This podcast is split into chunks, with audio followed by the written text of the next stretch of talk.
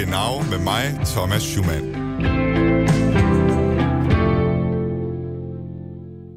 An alle Letztwählerinnen und Letztwähler an den deutschen Rundfunkempfangsgeräten. Deutschland. Wählen Sie die Partei Europa wieder positiv besetzen, damit Deutschland nicht erneut verliert. Ausfahrt. Ich kam vom Ping-Pong-Keller und habe mich in der Zimmernummer geirrt. Das Hotel ist etwas unübersichtlich. Aber jetzt wissen Sie, dass Sie in einer Fremdwanne sitzen und baden trotzdem Gleis weiter. 2. Einfahrt. ICE 16. Genau. Schönen guten Tag og velkommen til Genau med mig, Thomas Schumann. Det har i den forgangne halvanden uges tid været nogle hæsblæsende dage ude i verden, efter at USA dræbte den iranske general Qasem Soleimani. Trumps fremfærd i verden sammen med Brexit er to ting, som har gjort, at der i danske medier og blandt danske politikere er blevet talt om, om man i stedet måske hellere skulle læne sig op af Tyskland i den danske udenrigspolitik, og på den måde, som Danmark orienterer sig i verden. Det er der i hvert fald nogle af Folketingets udenrigsordfører, der mener. Jeg synes, der er øh, en række øh, eksempler, hvor, hvor vi godt øh, kunne, øh, kunne lære noget af den, øh, og lægge os mere klart op af den, den tyske tilgang. Ja, sådan sagde enhedslistens udenrigspolitiske ordfører Eva Flyvholm til mig, da jeg tidligere spurgte hende, om Danmark i højere grad skulle følge Tysklands kurs i verden. Og der er måske tegn på, at vi allerede er på vej i den retning med USA's drab på Qasem Soleimani. Måske har vi set det allerklarest nu her i forbindelse med, med krisen mellem USA og Iran, hvor, hvor de ting, som Mette Frederiksen og Jeppe Kofod sagde, det dybest set var næsten det samme, som man sagde i Berlin.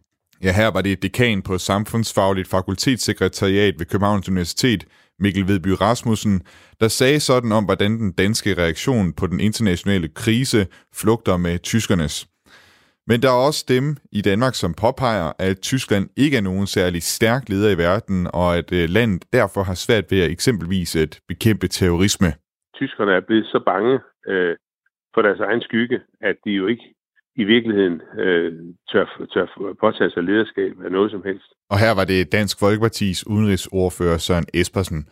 Vi skal i det her program tale meget mere om tysk udenrigspolitik, og om Danmark nu skulle til at lægge sig tættere op af Tyskland ude i verden. Men før vi gør det, skal vi lige rundt om en knap så sprængfarlig historie, men som trods alt også har fyldt noget hen over nytåret. Jeg har nu fået besøg i studiet af Mads Anneberg, en af værterne på vores program her på Radio 4, der hedder Lobbyland, fordi vi skal tale om øh, vildsvin. Det er et, øh, en ting, som I har talt om på Lobbyland.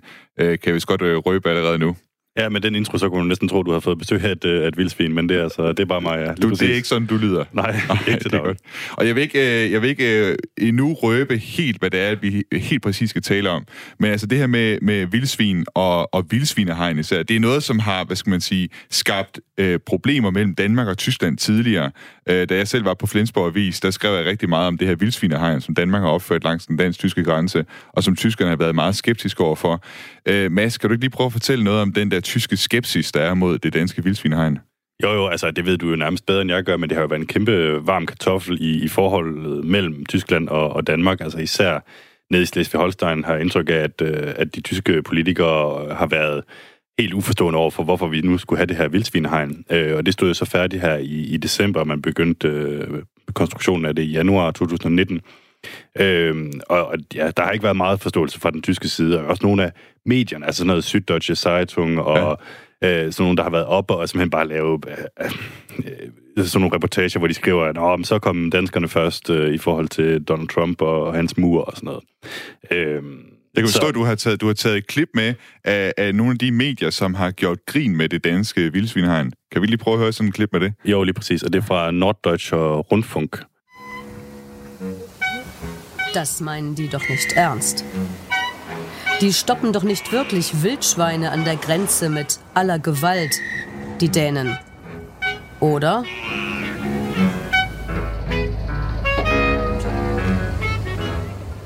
Diese Spaßvögel lassen sie durch. Aber bei echten Schweinen ist hier zwischen Deutschland und Dänemark Schluss mit lustig. Det er, altså, det er en tv-udsendelse der. Hvad, hvad er det, man ser i det klip, øh, hvad de taler om her? Jamen altså, det er fire mennesker i en veteranbil, som alle fire har sådan nogle masker på hovedet, øh, altså vildsvinemasker, og så prøver de simpelthen bare at køre øh, fra Tyskland til Danmark over grænsen, og hvor de så sidder ligesom i paskontrollen og viser øh, pas til, øh, og kommer så også igennem, og hvor okay. så siger de så, altså, det, hvis du så er et rigtigt vildsvin, så er det så er det slut, så kan du ikke komme igennem. Ja, og det, det, det er jo så det er jo meget sjovt, øh, de har kunne lave på bekostning af, af danskerne, kan man sige. Ja. Men øh, det er jo så her, at, hvad skal man sige, skæbnens ironi, øh, vi kommer frem til, til den store pointe i det her. Fordi her hen over nytåret, der var du i øh, Berlin og, og Frankfurt og andre Oder for at tjekke op på det tyske vildsvinehegn. Man har nemlig selv i Tyskland fået et vildsvinehegn nu op mod den polske grænse. Kan du lige prøve at forklare, hvad, hvad er det, der er sket her, siden at tyskerne nu også laver deres eget vildsvinehegn? Jo, absolut. Altså, først så kan vi jo lige sige, at det, det virkede jo ikke særlig sandsynligt bare for et år siden, at, at det skulle ske det her. Jeg tror faktisk, jeg læste en artikel, som uh, du havde skrevet på et tidspunkt, hvor du interviewede en, uh, en grøn politiker fra, var det fra Slesvig-Holstein, som, passe, ja. som, den, som nu er grøn formand uh, i, altså for de grønne i Tyskland. Ja, Robert Habeck. Ja, lige ja. præcis. Ja. Og han sagde, altså, forestil jer, hvis, hvis vi øh, havde et øh, vildsvinehegn på grænsen til Polen, som om, du ved, det, det var totalt utænkeligt. Det var fuldstændig utænkeligt. Ja, ja det var det. Ja. Øh, men det har de altså fået nu. Det er den tyske delstat Brandenburg, som har valgt at sige, øh, vi opfører et vildsvinehegn langs den her øh, flod, der hedder Oder, som, som jo skiller Tyskland og, og, og Polen. Øh, og så tog jeg nemlig netop derned øh, på, på nytårsdag, for at se, altså, hvordan har folk det så med det? Altså, synes de så også dernede, at det er symbolpolitik og farlige politiske signaler, sådan som tyskerne jo synes, at vores vildsvinehegn var. Øh, og det kan man jo talt godt sige, at de ikke synes. Ich glaube nicht, dass es nur Symbolpolitik ist, glaube ich nicht. Ich denke, dass, dass es schon gemacht wird, weil man ehrlich denkt, dass es hilft. Und äh, es ist nicht äh, gefährlich, dieses Signal zu, zu äh, senden, dass man einen Zaun baut äh, an die Grenze zu Polen. Inwie, warum sollte das gefährlich sein? Es geht ja um die Wildschweine und nicht, und nicht um Menschen. Ja, det var Frank, vi hørte her, og øh, han, han synes, det er sjovt, jeg spørger. Det kan man tydeligt høre, altså, ja. fordi det handler jo ikke om, om mennesker, det handler jo om vildsvin. Altså. Det, det er sjovt, synes jeg, i, i sådan, også det, jeg har dækket nede i Slesvig-Holsten, fordi der bliver jo talt rigtig meget om signalerne i det her. Altså, at man, man signalerer, at man gerne vil, altså, at det virkelig kommer til at være et signalement om, at Danmark isolerer sig fra, fra Tyskland. Men det, det er jo så også det, han siger her. Det her, det her handler slet ikke om mennesker, det handler om, at, altså, det handler om dyrene. Jamen, det er jo det, og det, det blev jo fremlagt som sådan et, uh, altså, en hård grænse i Europa, da, da vi byggede vores, og... Uh, den, den tyske grønne politiker øh, Rasmus Andresen fra, øh, fra, fra mindretallet dernede, han, øh, han sagde jo, at det var symbolsk afskærmningspolitik. Men, men det synes de altså ikke uh, nede, i, nede i Brandenburg. Nej, det er jo sjovt. I Brandenburg, der sidder de grønne jo også med i regeringen. Altså, det er jo faktisk hans partifælder også, som er med til at, til at gennemføre det her. Ja, det er rigtigt. Den relevante minister dernede, Ursula Nonnemark, og hun er fra de grønne. Ja. Øh, nå, vi vil lige prøve at høre et øh, klip mere med nogle andre mennesker, jeg fandt dernede. Die Leute können, genau, die Leute können ja rüber nach wie vor. Die, die Grenze, offen, die, die Brücke ist offen, die Straßen sind offen, also die können nach wie vor hin und her pendeln. Sowohl nach Polen als auch die Polen zu uns. Also ich denke die Menschen nicht, schwimmen eher nicht über die Oder, die laufen über ja, die Brücke. Also denke ich nicht, dass politisch irgendwie eine Auswirkung hat, glaube ich nicht. Mhm. Nee, sehe ich auch nicht so. Sie sehen äh, keine Symbolpolitik in, in Nein. Nein. Nee, das ist wirklich nur, äh, dass man wenn da so eine, sag ich mal, eine Krankheit ausbricht, also dass man die begrenzen kann. Das ist ja eine sinnvolle Möglichkeit. Das ist ja nicht irgendwie was Politisches. Also ich sehe das nicht so. Mhm. Ja, det var Kerstin og Pit, som jeg mødte dernede, som også grinede lidt af hele situationen. De, de siger, at menneskerne de, de, de går over broen, de svømmer jo ikke over floden. Så Nej, det det. Altså, der, der er stadig mange muligheder for at komme hen over grænsen her. Det er jo ikke, fordi den bliver lukket helt ned. Nej, ligesom det er også tilfældet med, med den dansk-tyske grænse. Ikke? Præcis, og det er også lidt et andet landskab, man har dernede, fordi som sagt, så er der allerede en flod, der, der skiller de to lande fra hinanden. Så man kan sige, det, det bliver ikke helt det samme resultat som på den dansk-tyske grænse, hvor du jo så faktisk hvis du kommer gående på en eller anden mark, og du lige vil krydse grænsen, så skal du til at hoppe over hegnet. Men her, der var det jo ikke sådan, at du vil svømme over floden alligevel, ja. så vil du gå over broen. Kan du ikke lige prøve at forklare, øh, det, ser det anderledes ud, det der hegn, øh, de laver der mellem øh, Polen og Tyskland, i forhold til det hegn, der er mellem Danmark og Tyskland? Ja, ja, altså man kan sige, det, det er radikalt anderledes. Det er meget mere, øh, hvad skal man sige, interimistisk. Øh, Udover at det har kostet en 50. 20. del af, af det danske, så er det, altså du ved, bare sådan nogle pæle, man har stillet op, og så har man sat noget elektrisk øh, som, som tråd øh, ind, som så skal holde vildsvinene øh, på afstand. Det er kun 90 cm højt, øh, hvor det danske jo er 1,50 meter. Ikke? Så, så det, det er sådan lidt et, et anderledes koncept, som du også, også hurtigere vil kunne fjerne igen, hvis nu truslen den... Øh, ja, så, tank, så tanken er også med det, at det skal være mere midlertidigt i virkeligheden? Det, det kunne man forestille sig ja. i hvert fald, ja. Jeg ved, at øh, i Flensborg, altså i øh, Flensborg Kommune, der arbejder man jo meget på at få lavet en aftale med Danmark om, at når den her fare med vildsvinepesten, den er drevet over, så vil man gerne have fjernet det, det hegn igen øh, fra grænsen. Altså der kæmper man stadig meget imod det her. Jeg tænkte på, kan du, kan du ikke prøve at fortælle lidt om, om baggrunden for, at man gør det nu? Altså vi ved jo, der, der findes jo vildsvinepest øh, derude. Altså det der er gjort længe, kan man sige. Hvad er det, der gør, at tyskerne gør det netop nu? Ja, altså man kan sige, det har været lidt mere øh, en overhængende fare, som de har stået over for, tror jeg godt, man kan sige, end, end det var, da vi byggede vores. Altså fordi der er vildsvinepest i 10 øh, EU-lande, og øh, et af dem, det er Polen. Og det har ligesom bredt sig fra nogle øh, tamme svinebestande over i Østpolen, og så over mod, længere og længere over mod vest. Og på det seneste, så er der så blevet fundet døde vildsvin med afrikansk svinepest, øh, helt ned til 40 km fra grænsen til Tyskland. Og det er altså der, hvor de så har tænkt, okay, nu, nu er vi nødt til at gøre et eller andet. Og jeg tror også, altså det, der ligger i det her, det er jo også, at man gerne vil sende et signal, for eksempel til øh, lande uden for EU, altså det kan være Kina eller Japan, som øh, man eksporterer meget svinekød til, at nu gør vi noget ved det her problem. Don't worry, it's fine. Mm. Ja, det er lidt det samme, man også har sagt omkring det danske, danske vildsvinehegn, ikke? Jo. Mads, øh, tak fordi du var med og fortælle om øh, vildsvinehegn. Du lytter til Genau med mig, Thomas Schumann. From this day forward, It's going to be only America first. America first. Det er svært at forestille sig, hvordan nogen kunne have fundet på et bedre modbillede til den tyske kansler Angela Merkel end Donald Trump. Og det gælder altså ikke bare udseende og køn, men så sandelig også politik og opfattelse af, hvem man som politiker og statsleder skal tage mest hensyn til – sit eget lands interesser eller principper om diplomati og internationalt samarbejde. Det er ikke uden grund, at Tyskland efter 2. verdenskrig slettede den her strofe fra deres nationalhymne. Ja,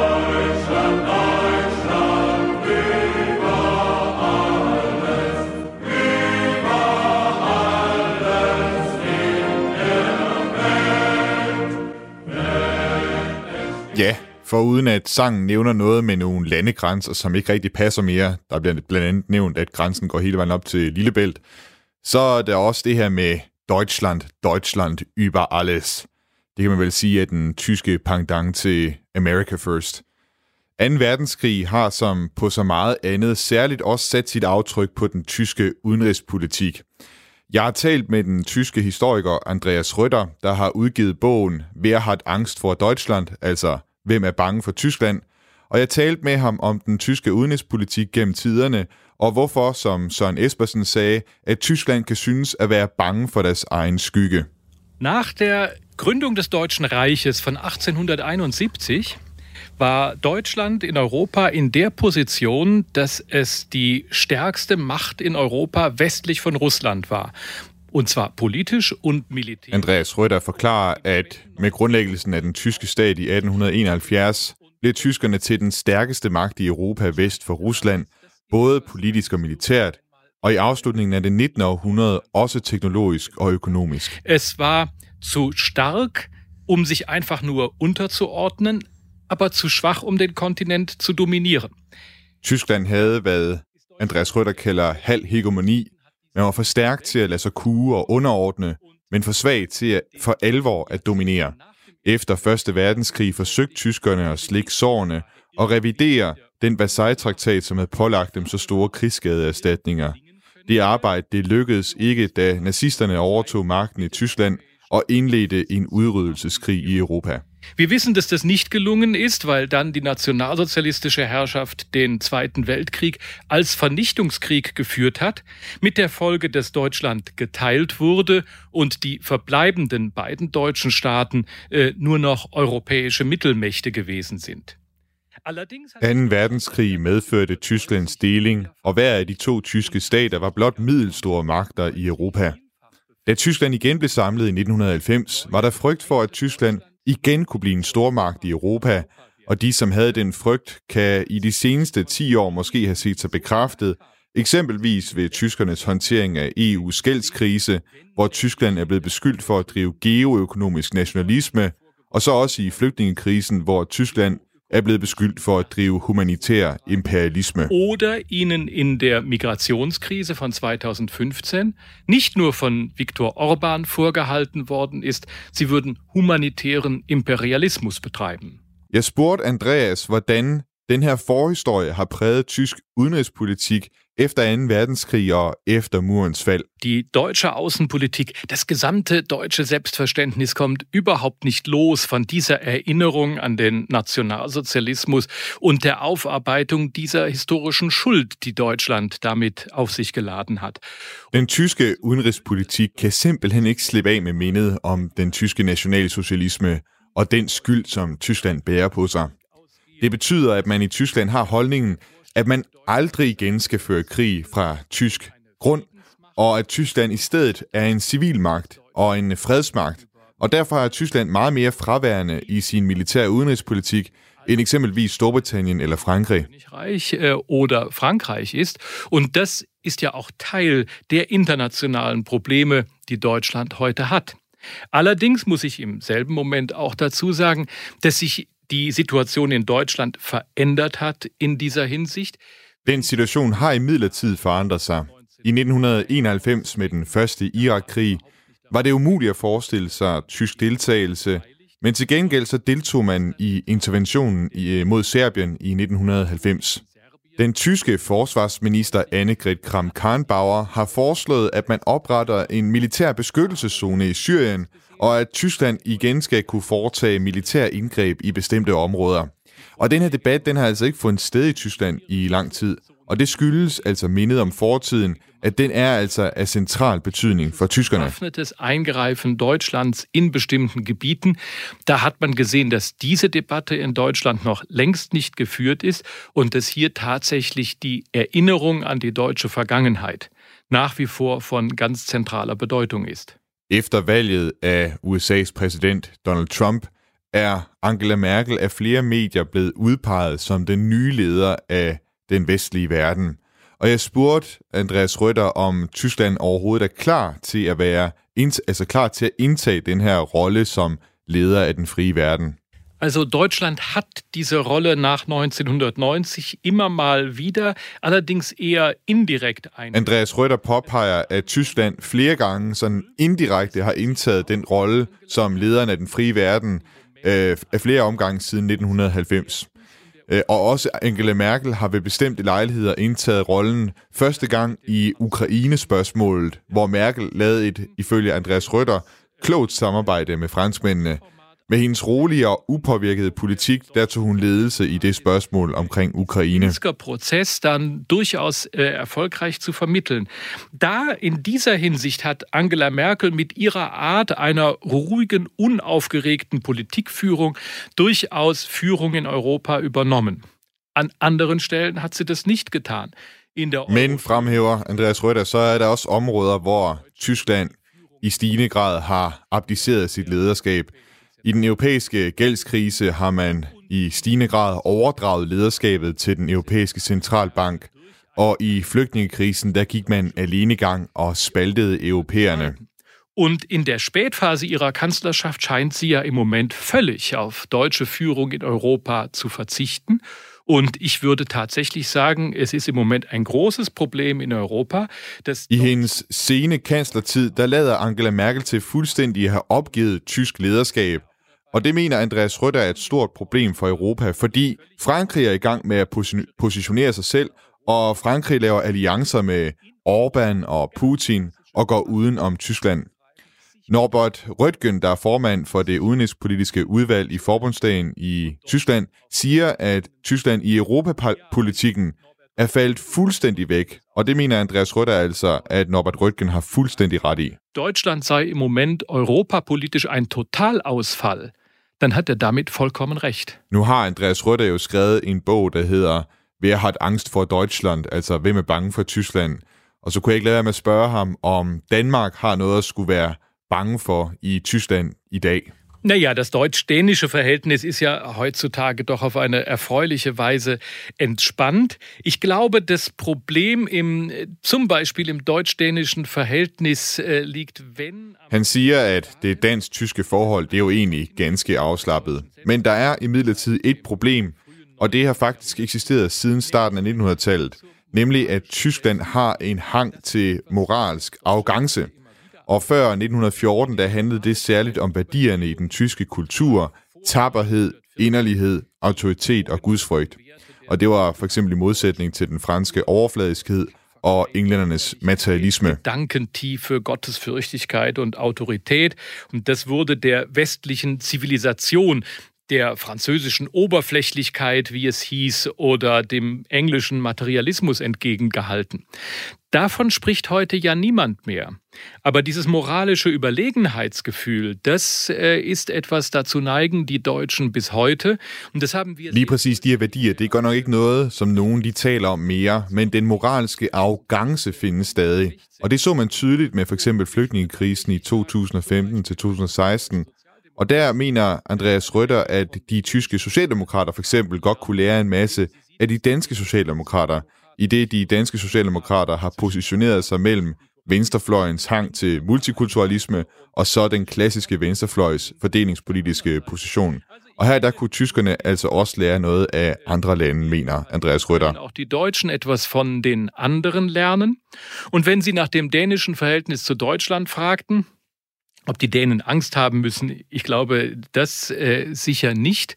Mir fällt da aber der Satz des früheren polnischen ähm, Minister, Außenministers Radoslaw äh, Sikorski ein, der sagte, ich fürchte deutsche Stärke weniger als deutsche Inaktivität. Und das würde ich tatsächlich... Danskerne har altså ikke skulle noget at skulle frygte over for tyskernes ageren i verden. Det er måske snarere Modsat, mener Andreas Røtter. Han fremhæver et citat af den tidligere polske udenrigsminister Radoslav Sikorski, der sagde, jeg frygter tysk styrke mindre end tysk inaktivitet. Andreas Røtter han mener, at Europa har brug for en stor stat som Tyskland, mobiliserer sine kræfter, så Europa for alvor kan gøre sig gældende på verdensscenen. Og det mener han, det vil altså også tjene danske interesser. Führungsverantwortung in Europa gerecht werden würde, was es im Moment nicht tut. Und das läge auch im dänischen Interesse. Du lytter til Genau med mig, Thomas Schumann.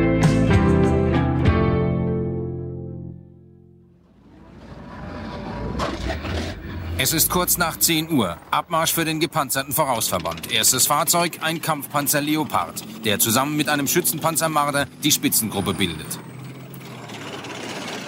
Dicht dahinter die übrigen Teile des Spitzenzuges der als Vorhut eingesetzten verstärkten Kompanie. Aus dem sandigen Gelände des Aufmarschraumes führt die Marschstrecke auf der Autobahn nach Skopje. Nej, det her det er ikke et klip fra 2. verdenskrig. Det er et klip fra en dokumentar af den tyske her, Bundeswehr, fra dengang Tyskland i 1999 for første gang siden 18. verdenskrig rykkede tropper ind i Kosovo i forbindelse med en NATO-mission. I dag der diskuterer man altså stadig, hvor aktiv og aggressiv Tyskland kan tillade sig at være på den sikkerhedspolitiske scene ude i verden. Forsvarsminister Merkel, protégé og leder af kristendemokraterne i CDU, Annegret Kramp-Karrenbauer, diskuterer i aften perspektiven og chancen, altså perspektiver og chancer, i den tyske sikkerhedspolitik, når hun gæster Deutsche Gesellschaft für Auswärtige Politik, det tyske selskab for udenrigspolitik. Annegret Kramp-Karrenbauer var selv med til at starte den her debat, da hun i november gæstede Universitet der Bundeswehr i München, altså Universitetet for den tyske hær. Ein Land unserer Größe und unserer wirtschaftlichen und technologischen Kraft ein Land unserer geostrategischen Lage und mit unseren globalen Interessen, das kann nicht einfach nur am Rande stehen und zuschauen. Ja, altså der sagde Annegret Kramp-Karrenbauer, at et land af vores størrelse, med vores økonomiske og teknologiske styrke, med vores geostrategiske position og vores globale interesser, kan ikke bare stå på sidelinjen og se. Dengang tilbage i november, der var Annegret Kamp-Karnbauers eget bud, at man skulle have en større tysk militær tilstedeværelse i udlandet. Og om det så er det eneste bud, der findes på en tysk udenrigspolitik, det ringede jeg til Jana Puglirin, der er leder af det tyske selskab for udenrigspolitik, altså det sted, hvor Annegret Kamp-Karnbauer hun kommer ned for at holde en tale her i aften. Jeg ringede til hende for at høre, hvad det er for en kamp, der lige nu foregår om udenrigs- og sikkerhedspolitikken i Tyskland. Also in der deutschen Außenpolitik gibt es eigentlich seit der Gründung der Bundesrepublik, also seit 1949, ganz klare große Traditionslinien, die von einem breiten Konsens aller Parteien im Bundestag getragen werden, wenn man von den... Jana forklarer, at der siden grundlæggelsen af Bundesrepublik Deutschland i 1949 har været en bred tradition, som alle de store partier i forbundsdagen har overholdt, om at binde den tyske udenrigspolitik op på den vestlige transatlantiske alliance, altså blandt andet forankringen i EU og så også øh, forholdet til Østblokken.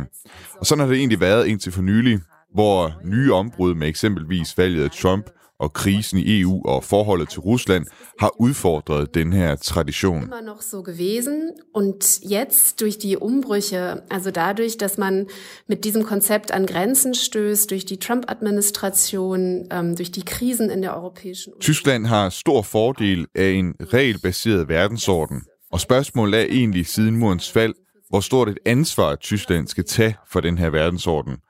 Og den her diskussion, den har altså været op at vende før, hvor man blandt andet har karakteriseret Tyskland som at have cirka samme udenrigspolitik som Schweiz.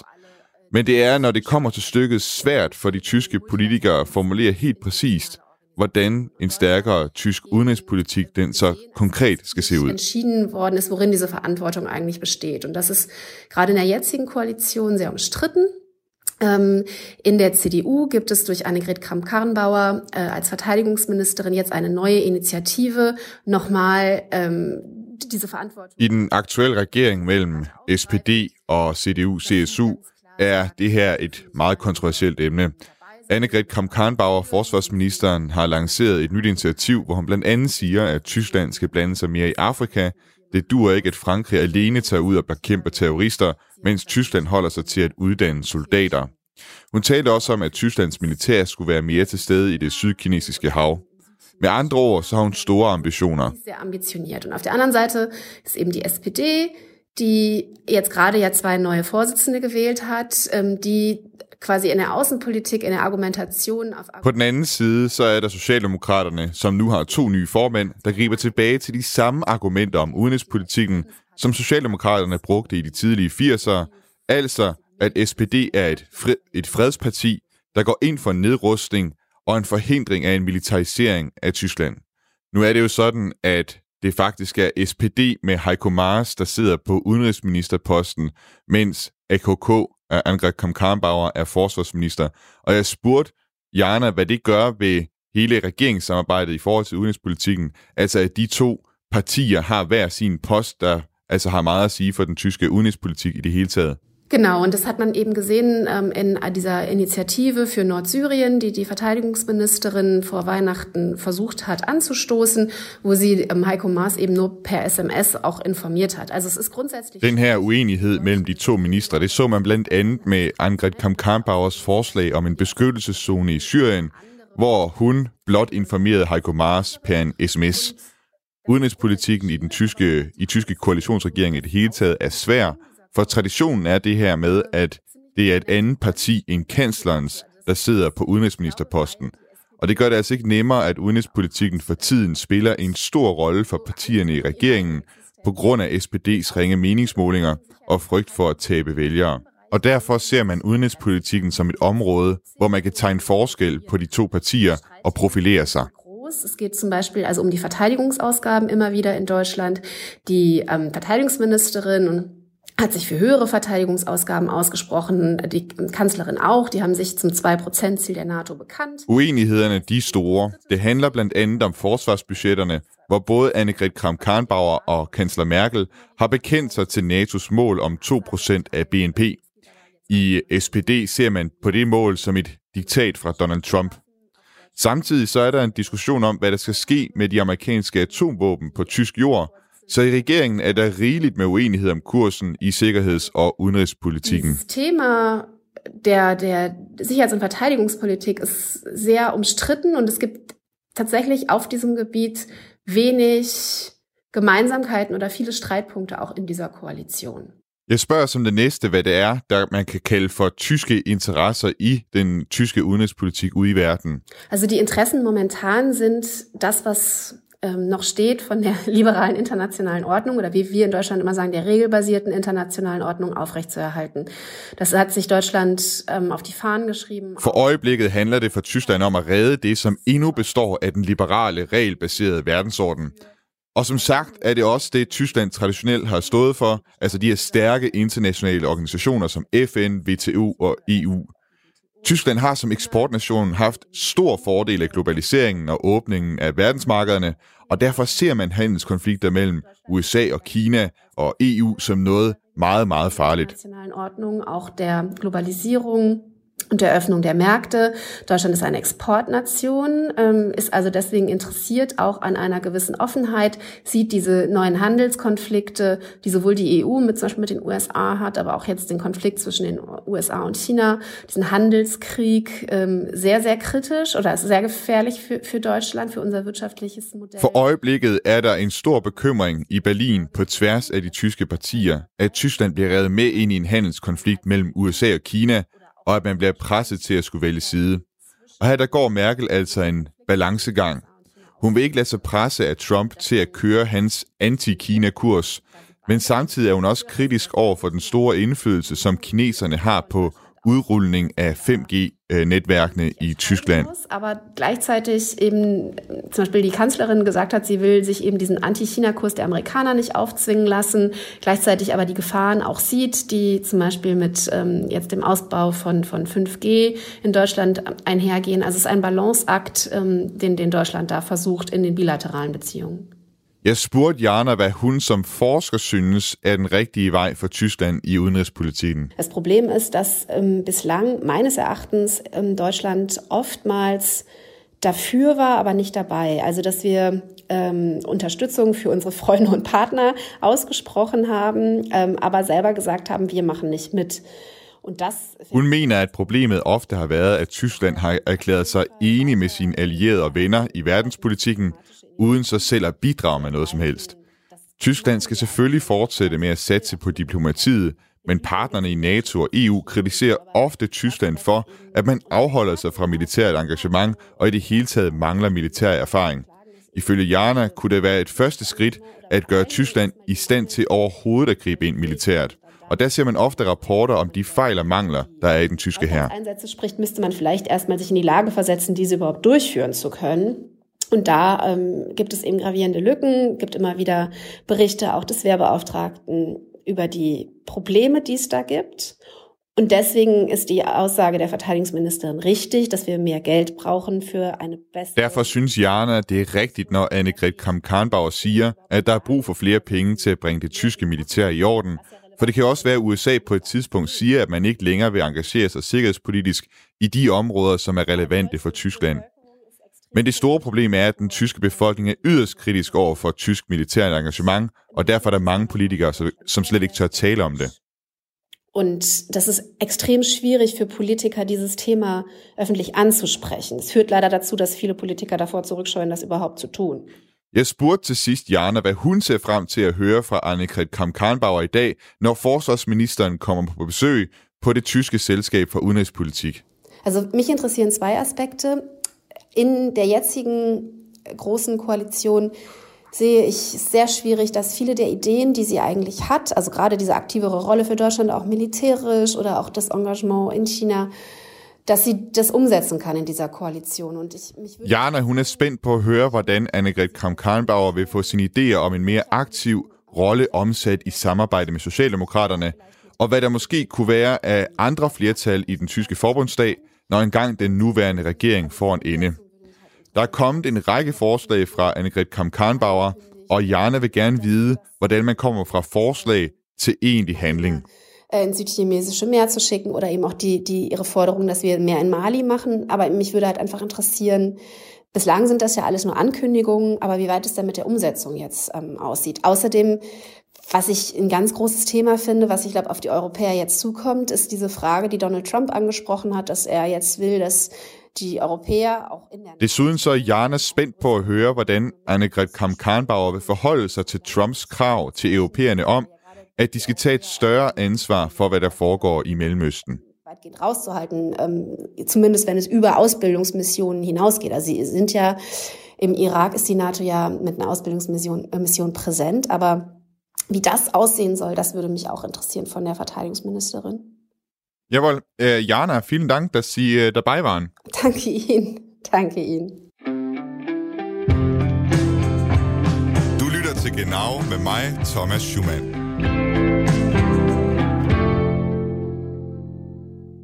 Jeg synes, det er, jeg synes, det er meget tydeligt, at, øh, at Tyskland øh, tager meget alvorligt på spørgsmålet om, om krig. Øh, det kan vi se øh, i den måde, de, de agerer udenrigspolitisk også. Øh, det er tit Tyskland, som er nogle af dem, der virkelig lægger kræfterne i os og forsøge at få øh, diplomatiske og forhandlede løsninger øh, frem for bare at øh, hive de, de militære redskaber øh, frem. Øh, og det synes jeg faktisk er en, øh, en rigtig vigtig rolle. Ja, fra den tyske forsvarsminister og hjem til dansk politik, hvor jeg har talt med nogle af Folketingets udenrigsordfører om den tyske sikkerheds- og udenrigspolitik, og om Danmark skulle lægge sig mere op af Tyskland end af USA. Og her var det altså Eva, Eva Flyvholm, udenrigsordfører fra Enhedslisten, du hørte en lille bid med. Synes du, at øh, Danmark i højere grad burde lægge sig op af den øh, kurs, som Tyskland de ligger for dagen i, øh, i verden og i verdenspolitikken?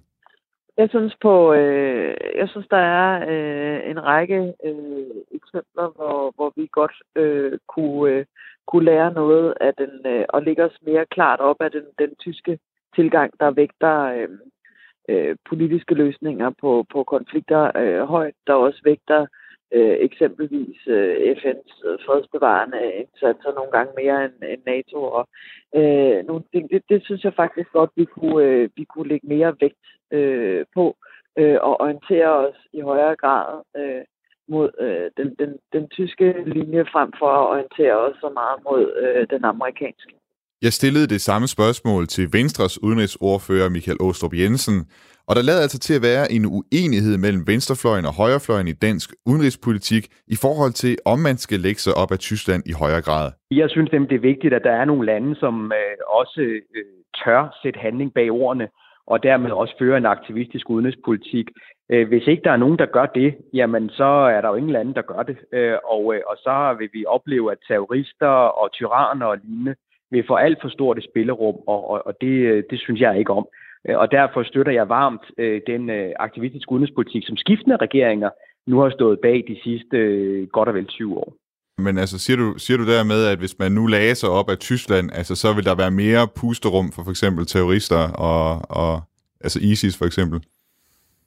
Ja, det vil det være, fordi selvom Tyskland jo er ude og, og lave forskellige missioner og lignende, så hvis man går ind og kigger på dem, øh, hvor aktive de er i forhold til deres indbyggertal, så er de meget lidt aktive. Øh, også deres militær øh, er en helt anden forfatning end for eksempel det danske. Det danske militær er en markant bedre forfatning end, end det tyske er. Så øh, jeg har klart den opfattelse, at jeg hellere vil have det niveau, vi er på i Danmark, og også det aktivitetsniveau, vi er på, end det for eksempel Tyskland er. Hos Dansk Folkeparti og udenrigsordfører Søren Espersen deler man nogenlunde den samme holdning som Michael Åstrup Jensen. Altså, tyskerne ved ikke, hvad de selv vil. Og når de hele tiden siger, at nu skal vi have en europæisk dimension på forskellige ting, øh, så, så er der ingen, der aner, hvad det betyder. Altså en europæisk dimension, er det, er det Ungarn, eller Polen, eller Tyskland, Italien, øh, Spanien, det hele sejler jo. Og derfor er det klart, at der holder man fast fra den side på, på det, man, man kender, og der er givet tryghed nemlig NATO og USA i første række. Og der er, spiller øh, Tyskland slet ingen rolle, øh, mener jeg. Øh, selvvalgt, øh, givetvis, men de spiller ingen rolle overhovedet i, i, i den internationale sikkerhedspolitik.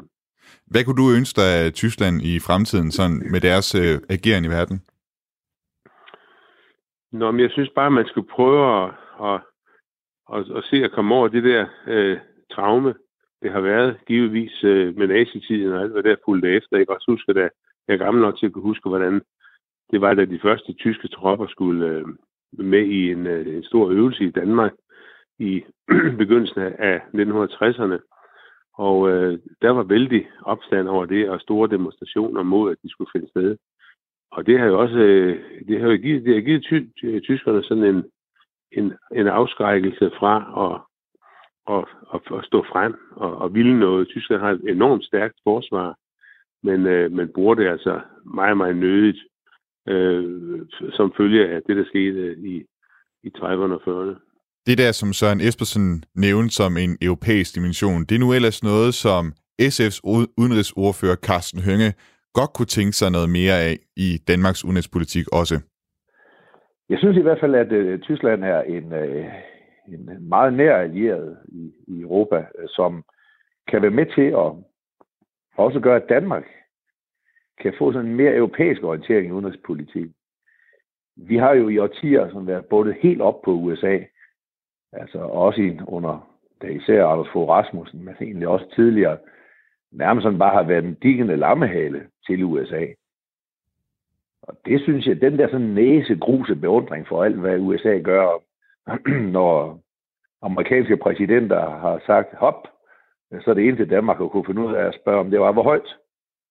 Der synes jeg netop ved at have tættere bånd til, øh, til Tyskland, at der kan vi få udviklet en, øh, en mere tydelig, selvstændig europæisk udenrigspolitik.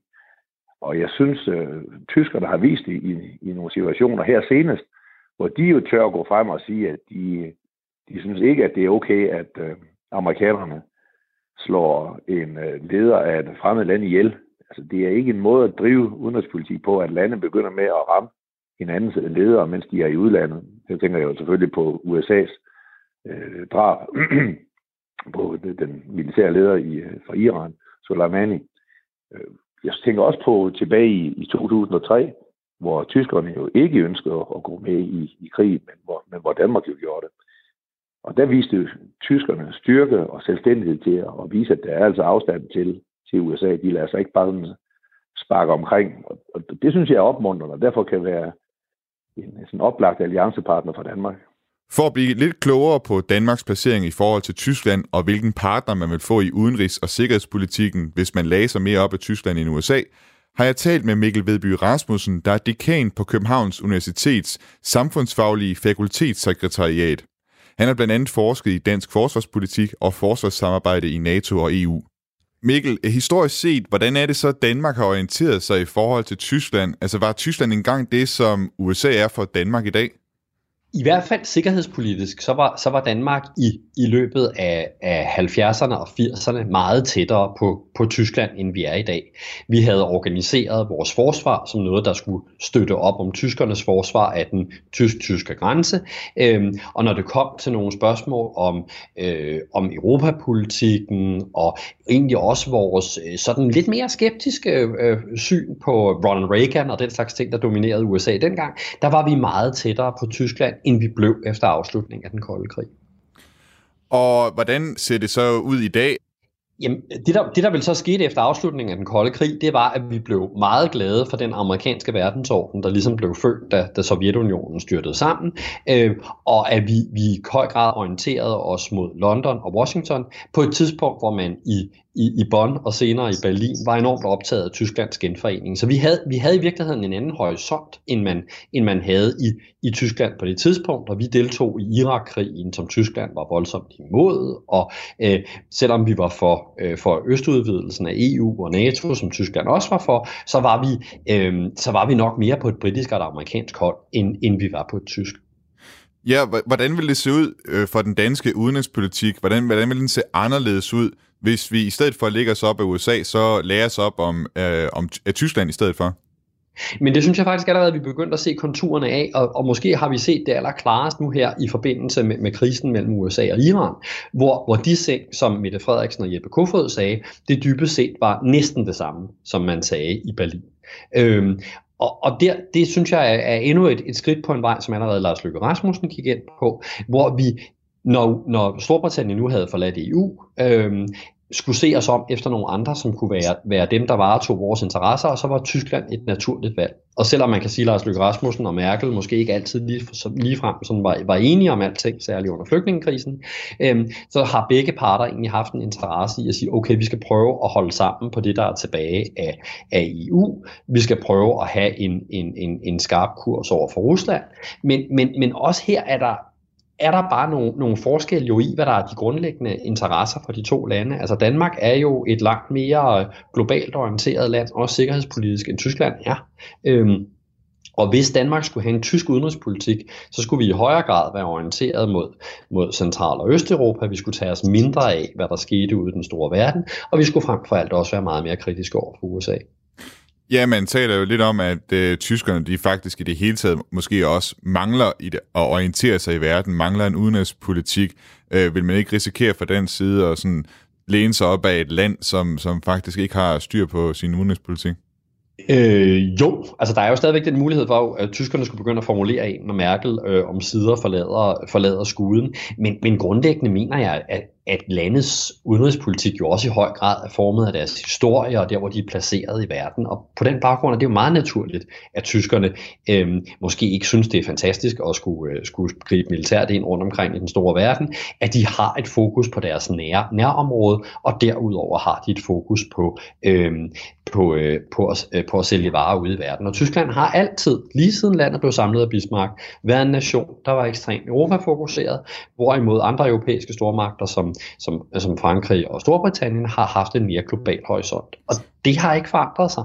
Øhm, og, og der er Danmark jo nok i, i, via en handelsnation, og vi er et lille land, der skal navigere mellem mange. Vi har interesser ud over Tyskland, og vi har jo også, hvis vi nu skal være helt ærlige, også en interesse i, at det ikke er Tyskland, der dominerer os. Og hvis man har en stor nabo lige om hjørnet, så er det jo meget rart, at man også kan, øhm, øh, kan have nogle andre, øh, man kan orientere sig imod. Øh, og det er jo ikke mindst der, at, at vores øh, alliance med USA bliver endnu mere vigtig for os, når Storbritannien forlader EU, fordi vi har behov for en modvægt til tyskerne, hvor, hvor gode venner vi end måtte være med dem. Ja, kan du ikke prøve at beskrive nogle af de områder, hvor at øh, danske og tyske interesser, de strider mod hinanden i verdenspolitikken?